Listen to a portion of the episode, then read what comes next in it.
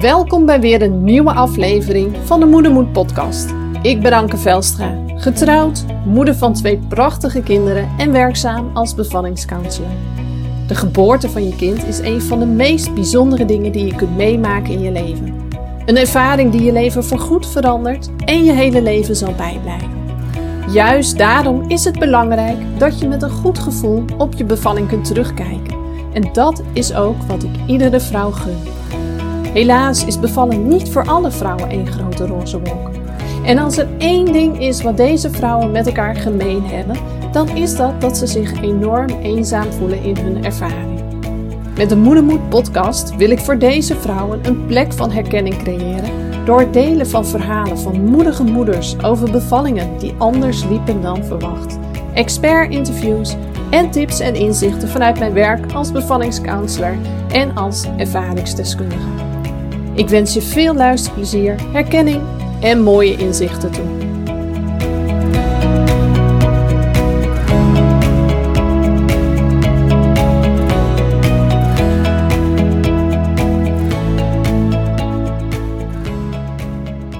Hey, wat leuk dat je weer luistert naar een nieuwe aflevering van de Moedermoed podcast. Nou, in de vorige, denk twee afleveringen heb ik uh, ook eens wat meer over mij persoonlijk gedeeld. Wie ik ben als persoon, hoe ik in mijn leven sta, wat ik allemaal meemaak. En uh, de vorige podcast heb ik wat gedeeld over uh, een oude bekende die weer langskwam, mijn perfectionisme. En hoe dat eigenlijk ook mijn hele stroom aan inspiratie en creativiteit begon te onderdrukken. En dat ik daar ook echt wel last van begon te krijgen. Nou, ik kan je goed nieuws geven. Uh, het is voorbij. Ik heb perfectionisme helemaal omarmd. Zo van, nou, wat leuk dat je weer even langskwam.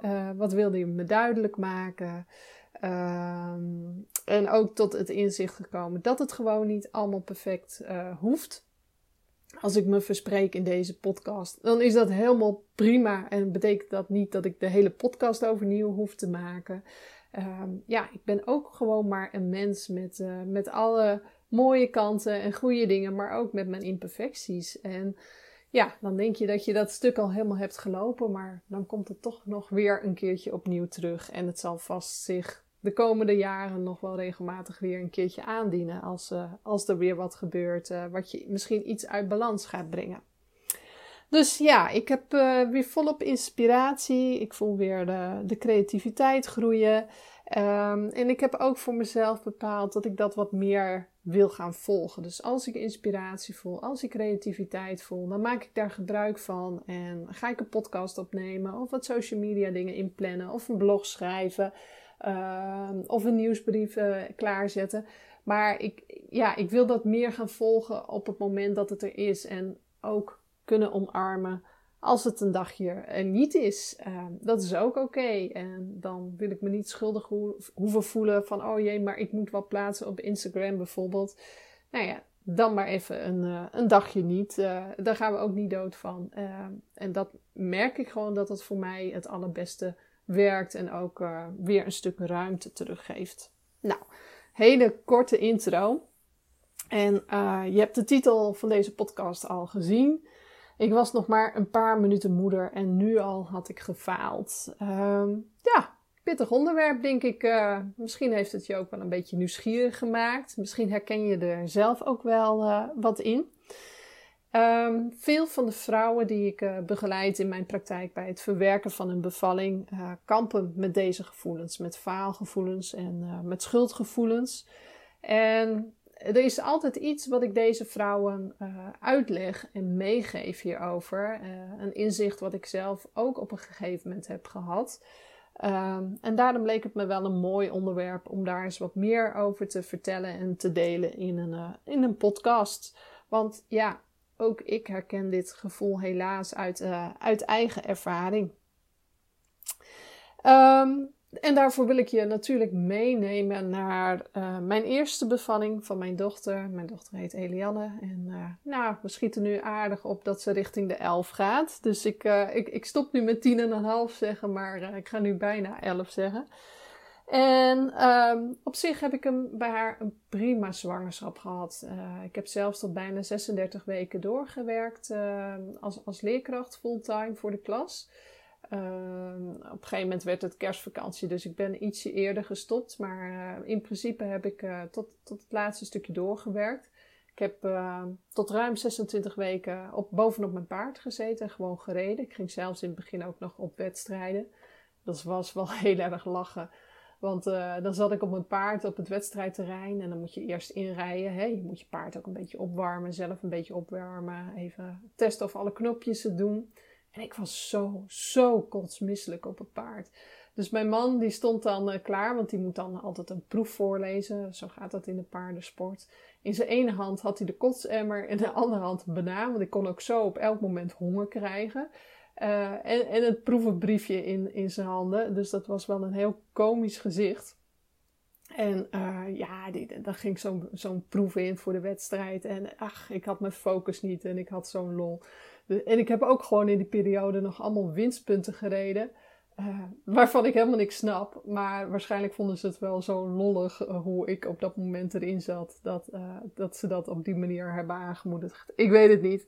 Maar ja, klein uitstapje, maar vond ik wel grappig om even te delen. Um, nou ja, toen zat ik thuis en ja, we hadden het kamertje in, in principe wel klaar. Maar ik moest natuurlijk nog wat wasjes doen en wat ditjes en datjes. En op een gegeven moment begon het ook heel erg te sneeuwen. Ehm, dus ja, eigenlijk was het voor mij niet meer vertrouwd. Er lag behoorlijk wat sneeuw uh, om de deur uit te gaan. Want ik was natuurlijk topzwaar. En als ik onderuit zou gaan, nou, dat zou niet heel fijn zijn. Dus ik kwam eigenlijk ook niet zo heel veel de deur uit. En, behalve dan voor mijn controles, bijvoorbeeld bij de verloskundige. En na de, de kerstvakantie ging mijn man weer aan het werk. En toen had ik een controle en toen bleek mijn bloeddruk wat hoger te zijn. Dat had ik al een paar keer eerder gehad in de, in de zwangerschap. Dus dat was niet heel nieuw. Maar het was wel gek, want ik zat natuurlijk in de rust en toen was de bloeddruk wat hoger. En dan verwacht je juist als het door stress zou zijn gekomen, dat die wat lager zou zijn. Um, dus ik moest wat extra controles uh, om die bloeddruk wat in de gaten te houden. En hij werd eigenlijk steeds een beetje hoger en hoger. En toen kreeg ik op een gegeven moment te horen van ja, als je klachten krijgt, uh, hoofdpijn, een sterretje zien, uh, een bandgevoel, misselijk, dat soort dingen, dan, dan moet je direct bellen, want dan is dat niet een goed teken. En natuurlijk, in je zwangerschap heb je wel eens iets gehoord of gelezen over een zogenaamde zwangerschapsvergiftiging. Maar het was nooit echt iets waar ik heel erg bij stil heb gestaan. Zo van, nou ja, oké, dat kan ook. Maar nee, niet dat het mij nou direct zou betreffen. Um, nou ja, dus ik had het donderdag of vrijdag had ik denk ik die controle gehad. En de zaterdag gingen we nog op verjaardagsvisite. En terwijl ik daar zat, mijn, mijn jongere zusje zat daar. Die was acht weken voor mij bevallen. En er zat nog iemand anders die uh, ook uh, een jaar ervoor was bevallen. En ik voelde me niet zo lekker. Maar ja, weet je, ik was al uh, eh, 37 weken gepasseerd en uh, nou, behoorlijke forse buik. Dus ik vroeg ook aan hen goh, hadden jullie dat op het laatst ook? Dat je je niet lekker vond? Een beetje grieperig, hoofdpijn, dit en dit en dat? Nou nee, dat herkenden ze eigenlijk beide niet. Hmm. Toen had ik zoiets van, oké, zouden ze dit nou bedoelen met die klachten? Nou ja, we zijn nog even gebleven. Op een gegeven moment zijn we naar huis gegaan. Toen had ik zoiets tegen man. Ik zei, volgens mij moeten we toch maar even bellen. Nou, we gebeld. Dus de verloskundige kwam uh, later die avond. Kwam ze bij ons langs en heeft ze de bloeddruk opgemeten. En die was nog hoger. Uh, ja, toen had ze wel zoiets van: ik ga je nu wel naar het ziekenhuis sturen voor controle bij de gynaecoloog. En weet je, op dat moment, ik kon het gewoon niet bevatten wat het zou inhouden. Dus ik heb ook nog heel droog gevraagd moet ik mijn vluchttas ook meenemen? Nou, zegt ze, zou ik maar doen. Ja, helemaal niet bij stilstaan dat, dat dat misschien... Dat ik zeg maar niet meer thuis zou komen zonder baby. Dus uh, nou ja, dat gingen we doen. En het was allemaal wel wat spannend. Dus naar het ziekenhuis. Nee, daar was de bloeddruk ook behoorlijk hoog. Uh, een testje gedaan met mijn urine. Nou, daar bleken ook nog eiwitten in te zitten. Dus uh, het was een kwestie van blijven. En we gaan morgen starten met inleiden. Want je bent de 37 weken voorbij. Ja, en weet je, toen was ik lang niet zo voorbereid als bij mijn tweede keer. Het, het, het gebeurde me. Het werd me eigenlijk ook allemaal verteld als een mededeling. Het overkwam me. ik had niet het gevoel dat ik daar zelf enige regie of zeggenschap in had. ook heel erg opgevoed met uh, het beeld, de dokter uh, zal het wel weten, dus ook heel volgzaam daarin. Uh, ja, en, en ook niet goed wetende wat ik eigenlijk kon verwachten. Dus nou ja, die nacht wist ik wel, dan zou ik van de spanning niet slapen. Dus ik had slaapmedicatie gevraagd, zodat ik een goede nacht kon draaien. En in ieder geval genoeg energie zou hebben voor de bevalling. En uh, nou ja, de, de, de, volgende ochtend werd er dus een ballonnetje geplaatst. Mijn klachten werden wel steeds erger. En mijn bloeddruk was ook echt nog wel heel hoog. En uh, ja, vanaf het ballonnetje heb ik eigenlijk telkens harde buiken gehad. En toen dacht ik van nou, als dit het is, dan gaan we dat klusje wel klaren. Dat zie ik wel helemaal zitten. Dus ik, ik had er, ondanks dat ik eigenlijk de hele zwangerschap wel heel angstig ben geweest voor met name uitscheuren en een knip uh, door verhalen van mensen uit mijn omgeving natuurlijk. Uh, had ik er toen wel vertrouwen in. Zo van ja, ik, ik, volgens mij kan ik dit wel. Dus uh, ik ging die bevalling eigenlijk best ontspannen in. En ze gingen de vliezen breken. Want ik bleek de volgende ochtend, uh, toen ze het ballonnetje eruit haalden, al 4 centimeter ontsluiting te hebben. Nou, ik dacht 4 centimeter met alleen wat harde buiken. Daar teken ik voor. Kom maar op. En ja, dat infuus zat en dat deed niet gelijk wat. De vliezen breken ook niet. Dus ik heb nog heerlijk zitten lunchen. Nou ja, toen brak de hel dus los. In plaats van dat er een, een soort opbouw in zat, wat je, nou ja, als je je bevalling natuurlijk start, uh, wel kunt verwachten, uh, was dit niet. Het was gelijk, hup, ik ging de weeënstorm in en uh, had eigenlijk geen moment van rust meer. En de weeën waren heel heftig, heel pijnlijk, duurde ook heel lang. En ja, ik wist gewoon niet meer waar ik het moest zoeken. Dus op een gegeven moment dacht ik van ja, als ik dit zo nog uren moet volhouden, dan, dan, dan weet ik het niet. Dus ik dacht, nou, ik moet toch maar vragen om een ruggenprik. Dus ik vroeg om een ruggenprik. Nou, zeiden ze, willen we eerst je ontsluiting meten? Ja, zegt ze, dat is al 7, 6, 6 centimeter of zo, 6, 7 centimeter. Zegt, dat gaan we nu niet meer doen. Je gaat al hartstikke goed. Dus uh, nee, het is te, te ver al om nog een ruggenprik te plaatsen. Dus ergens baalde ik daar ook best wel van. En ze is de kamer nog niet uit of ik, ik krijg ook het gevoel dat ik moet poepen. Uh, persdrang. Dus uh, ik belde weer. Ik zei, nou, ik, ik heb dit gevoel. Nee, dat kan niet. Ik heb je toch net nog gecheckt. Ja, ik zei, ik lieg toch niet? Ik heb dit gevoel. Ik zei, ik zou het toch nog maar even checken. Dus ze ging checken. En toen had ik dus al 10 centimeter ontsluiting. Dus die laatste 3, 4 centimeter, die heb ik echt binnen 10 minuten gedaan. Dus zo bizar hard en snel ging dat. Uh, dus dat was best wel, ja, eigenlijk heel erg veel. Uh, wat er, wat er op dat moment allemaal uh, uh, gebeurde. Ja, en toen mocht ik dus gaan persen. En het was heel bizar, maar ik had wel die druk gevoeld, maar ik had geen persweeën. Uh, dus ik moest het allemaal op eigen kracht gaan doen. En ik weet niet of je dat hebt ervaren, wel of geen persweeën, maar normaal gesproken als je persweeën hebt, dan helpt je lijf je zeg maar mee het geeft je een soort setje uh, om te helpen je, je kindje naar beneden te krijgen door uh, het geboortekanaal en uiteindelijk eruit. Uh, bij de een is dit sterker dan bij de ander. Ehm, maar ja, helemaal zonder persweeën. Ik vond er wel een soort mini-weetje op komen, maar er zat geen kracht achter. Dus ik moest zelf enorm veel kracht zetten om mijn kindje, natuurlijk liggend op mijn rug. Ik heb ook nog wel even op de baarkruk gezeten trouwens uh, naar beneden te krijgen. Dus ja, weet je, je geeft dan alles. En uh, ik had zoveel pijn en je geeft alles. En uh, men bleef maar om me heen aanmoedigen dat ik nog meer moest geven. En ik dacht, hoe dan? Ik, ik, ik geef al alles. Ik, ik doe al zo mijn best. Ik kreeg constant het gevoel dat ik het niet goed genoeg deed. En ja, op, op een bepaald punt, toen had ik zo ontzettend veel pijn en was ik zo moe door het keihard persen op eigen kracht, dat ik ook zelfs dreigde oud te gaan. Uh, toen heeft men dus mij in mijn gezicht geslagen om me erbij te houden. Dat vind ik heel erg dat dat is gebeurd. En Ondertussen bleef men mij maar pushen om nog meer, nog meer, nog meer, nog meer te geven. Nou na bijna twee uren persen werd het gewoon niet. En toen hebben ze de vacuüm erop gezet. Nou, hoe dat is gegaan, dat uh, deel ik ergens in, in mijn eigen bevallingsverhaal. Wat je hier ook ergens op de podcast kunt terugvinden. Dus wil je dat weten, luister alsjeblieft die podcast terug. Dan weet je precies wat er is gebeurd. Um, nou ja, die vacuüm dat ging ook niet heel uh, erg makkelijk. Die schoot er een aantal keren af. Nou, uiteindelijk was mijn dochter geboren. Ik had dat natte, kleverige, warme wezentje op mijn borst. En in plaats van dat ik me op dat moment een trotse moeder voelde en echt bewonderend naar haar keek van wauw, jij hebt al die maanden in mijn buik gezeten en nu ben ik eindelijk moeder, nu kan ik je eindelijk zien en ontmoeten en heel blij te zijn, voelde ik vooral dat ik gefaald had als moeder. Dat ik niet in staat was geweest om mijn eigen kind op de wereld te zetten.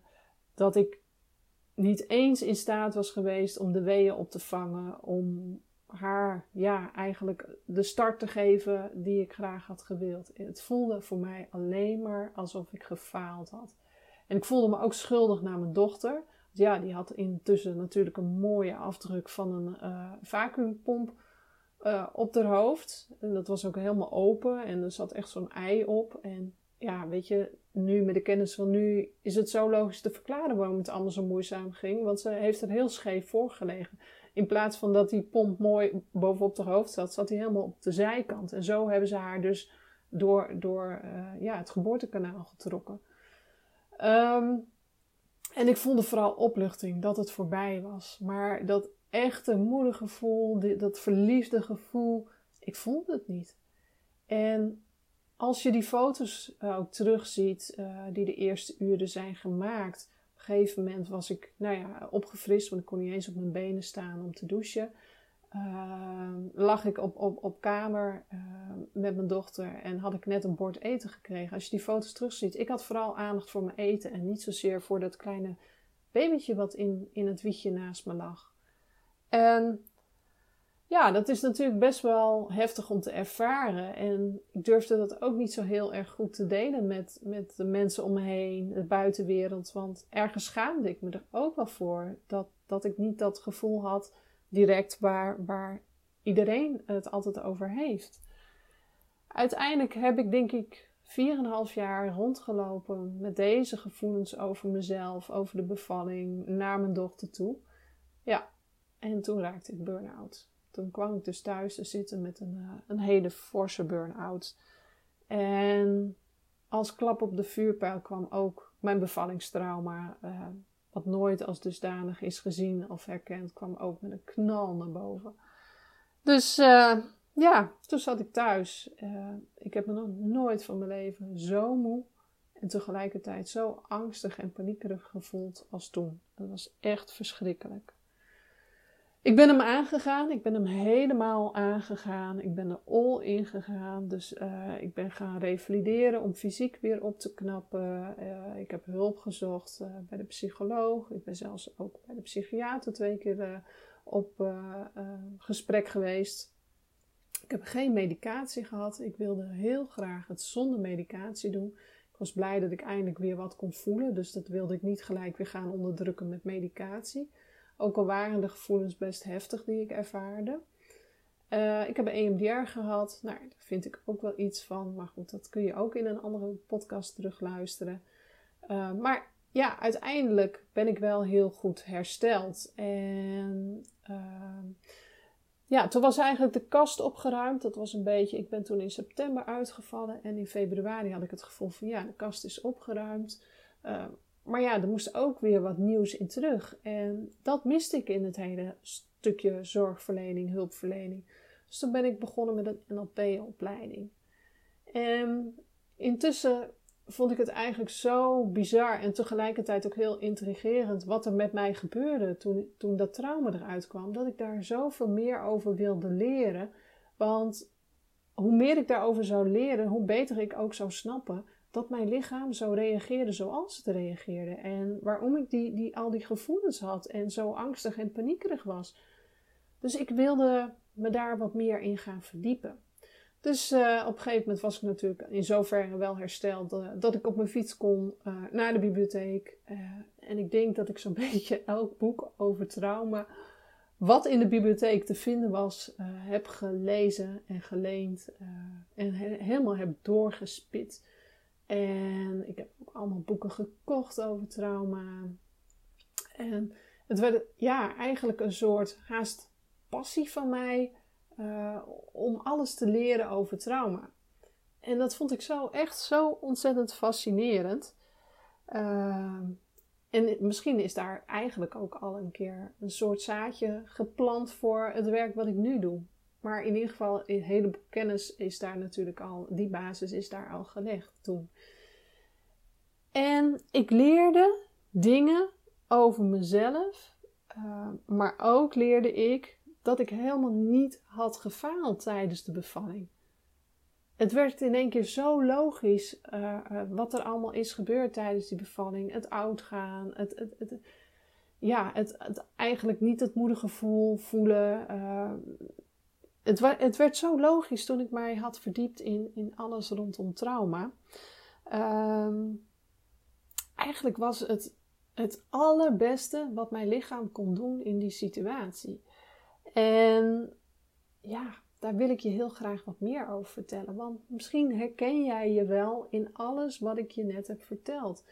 Uh, en misschien durf jij net zo goed als ik daar heel weinig over te praten met anderen. Omdat je bang bent voor een oordeel. Uh, hè, dat zie je voor de, veroordelen. Of misschien denken dat je geen goede moeder bent. Nou weet je, die zaken hebben echt niks met elkaar te maken. Je kunt een ontzettend goede moeder zijn en toch rondlopen met dit soort gevoelens. En dat is gewoon heel naar als je dat misschien weken, maanden of zelfs jarenlang zou moeten doen. Dus daarom dacht ik, ik ga je daar wat meer over vertellen in deze podcast. Nou, misschien heb je wel eens gehoord dat op het moment dat je stress ervaart of angstig wordt of paniekerig wordt, dan kom je in de zogenaamde fight or flight staat. Ehm, en dat houdt eigenlijk in, zo zijn wij vanuit vroeger af aan, vanuit de oudheid, zijn wij als mensen, maar ook dieren, geprogrammeerd. Dus op het moment uh, dat wij in de oudheid uh, oog in oog zouden staan met een gevaarlijk roofdier, ja, weet je, dan kunnen we niet eerst even nadenken van, goh, wat ga ik doen? Er is een deel van ons brein dat dan gelijk actief wordt en denkt, ik moet vechten, ik moet vluchten. Uh, want anders overleef ik deze situatie niet. Dat is niet iets, dat gaat heel snel. Dat is niet iets waar je bewust over nadenkt. En natuurlijk leven wij nu niet meer in de oudheid. Um, staan wij ook niet meer dagelijks oog in oog met roofdieren. Maar ons brein, ons lijf, ons zenuwstelsel reageert nog op precies dezelfde manier als op stress en op angst en op paniek Um, als, hoe het deed in de oertijd. Hoe het deed als wij oog in oog stonden met een, eh, een gevaarlijk roofdier. En op het moment dat je dus in een situatie komt waarin je dus stress ervaart, uh, bijvoorbeeld door een stuk onzekerheid, omdat je niet weet hoe dingen gaan lopen, of omdat je veel pijn hebt, of uh, omdat je angstig bent voor wat er gaat gebeuren, ja, dan gaat dat brein, dat wordt gelijk actief, het zenuwstelsel wordt actief en dat denkt maar één ding: ik moet vechten of ik moet vluchten. Nou, vaak zie je eerst de, de, de, de vluchtrespons. Uh, hè, kan ik ervoor wegkomen? Nou ja, weet je, heel veel vrouwen hebben dat toch ook wel ervaren uh, tijdens een bevalling. Van jongens, ik stop ermee, ik ga weg. Uh, sommige vrouwen hebben zelfs uh, dingen losgetrokken van zichzelf en zich klaargemaakt om, om te vertrekken, om naar huis te gaan, bijvoorbeeld tijdens een ziekenhuisbevalling. Oh, jullie doen het allemaal maar zonder mij. Ik ga tijdens een thuisbevalling bijvoorbeeld. Dat soort dingen uh, gebeuren heel vaak. En dat is eigenlijk dus die, die, die flight respons, hè, die vluchtrespons. Nou op het moment dat je merkt van, ja, met vluchten ga ik het niet redden, dan ga je nog proberen te vechten. Misschien red ik het dan. Uh, wat er dan gebeurt is dat je misschien grof taalgebruik gaat gebruiken, schelden, vloeken, uh, bijten, trappen, uh, heel hard iemand, in, iemand knijpen. Al dat soort dingen zijn eigenlijk allemaal onbewuste responsen van de fight uh, status. Dus eerst ga je vluchten, meestal. Dan ga je vechten. En als je merkt dat dat ook niet lukt, want dat is natuurlijk maar heel beperkt mogelijk tijdens je bevalling. Dan zit, en het gevaar, hè, je brein denkt nog steeds dat er gevaar is, dan zit er maar één ding op. En dan doen wij precies hetzelfde als bijvoorbeeld een, een antilope uh, in het wild. We gaan in de freeze. We bevriezen. We vallen als het ware, uh, hè, als je wel eens van die natuurfilms hebt gezien, dan zie je dat die antilopes gewoon ja, voor als dood neer kunnen vallen. En helemaal slap worden en bijna niet meer ademen. Uh, en wij mensen doen dat ook. Wij gaan ook dan in de freeze. En dat gebeurt zo ontzettend vaak. Ehm, en dat is ook vaak wel daar, het stuk waar, waar vrouwen traumatiseren. En het bizarre aan dat hele stuk, aan de, aan de freeze, is eigenlijk dat je er voor de buitenwereld ogenschijnlijk heel rustig uitziet. Je laat alles bijna gedwee over je heen komen. Maar inwendig ben je, sta je doodsangst uit. Maar het is net alsof je niet meer helemaal in je lijf zit. Soms vertellen vrouwen mij ook wel van het was net alsof ik naast mijn lijf stond of erboven hing. Ehm, en het, het is een beschermingsmechanisme. En als ik naar mijn eigen bevalling, mijn eerste bevalling terugkijk, op het moment dat ik dreigde oud te gaan, denk ik ook dat dat het moment is waar bij mij ook de freeze toesloeg. En zoiets gebeurt gewoon dat je eigenlijk geen andere uitweg meer ziet. Hè? Je, je, je weet gewoon, ik kan dit niet oplossen door te vechten of te vluchten. Ik kan me dan niet in veiligheid doen. Dus dit is eigenlijk de laatste strohalm die je nog hebt om zo veilig mogelijk door deze situatie heen te komen. Jijzelf, maar ook voor je kindje. En als je dat nu weet, dan weet je dus ook dat je lijf op dat moment het meest fantastische heeft gedaan wat het ooit had kunnen doen in die situatie. En misschien voelt dat heel onnatuurlijk wat ik zeg, maar wat zou er nou zijn gebeurd als, als, als uh, de hartslag van je kindje bijvoorbeeld daalde en jij denkt: ik ga op de vlucht, je rukt alles los en, en, en je rent de kamer uit?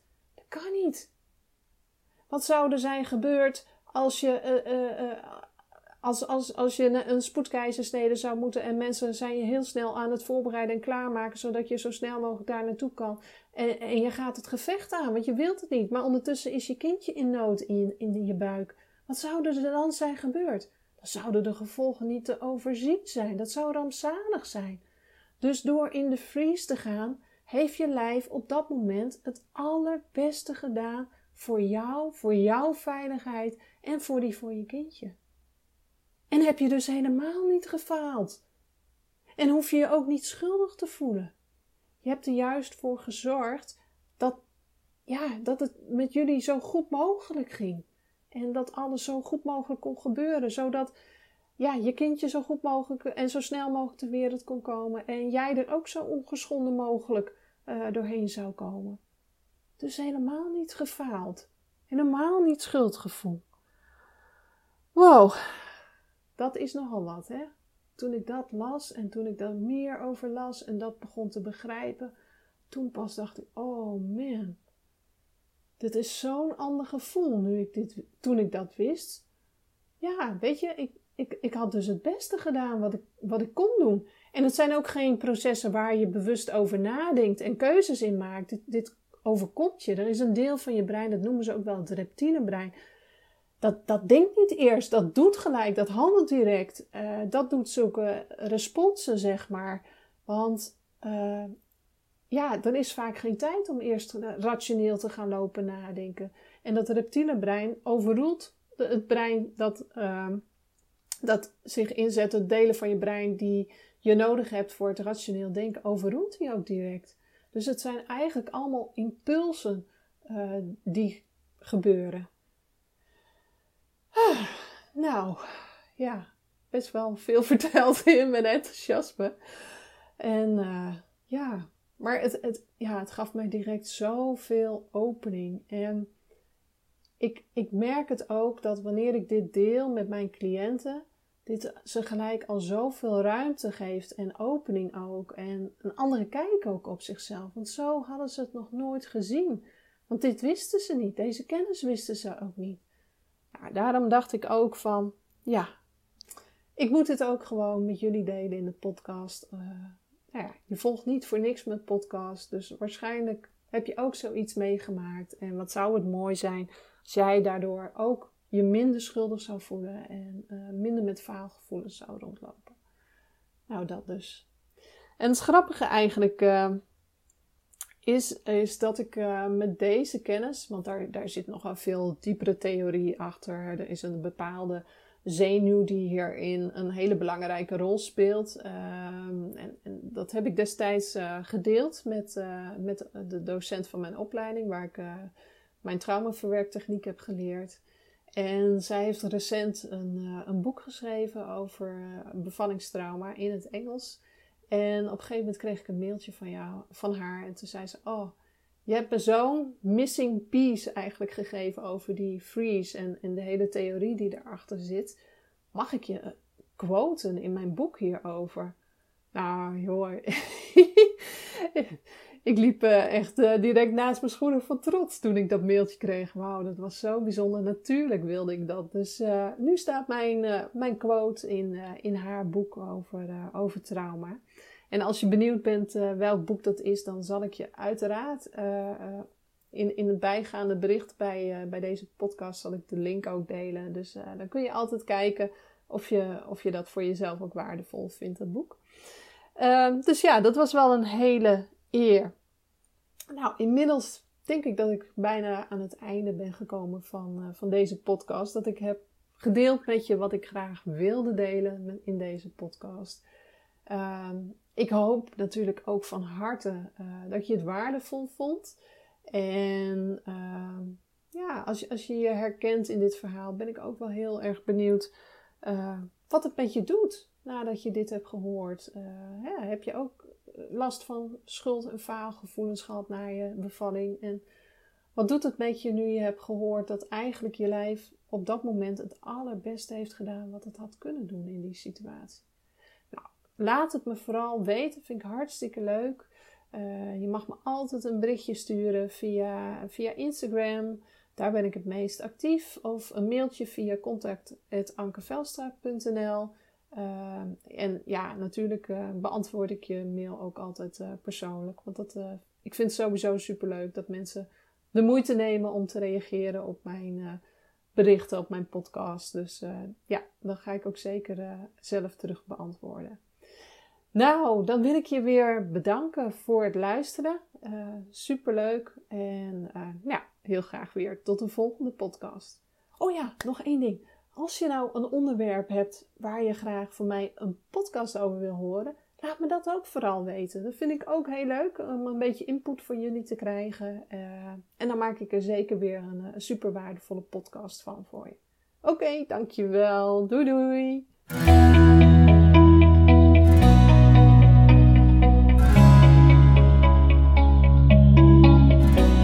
Bedankt voor het luisteren naar deze aflevering van de Moedermoed podcast.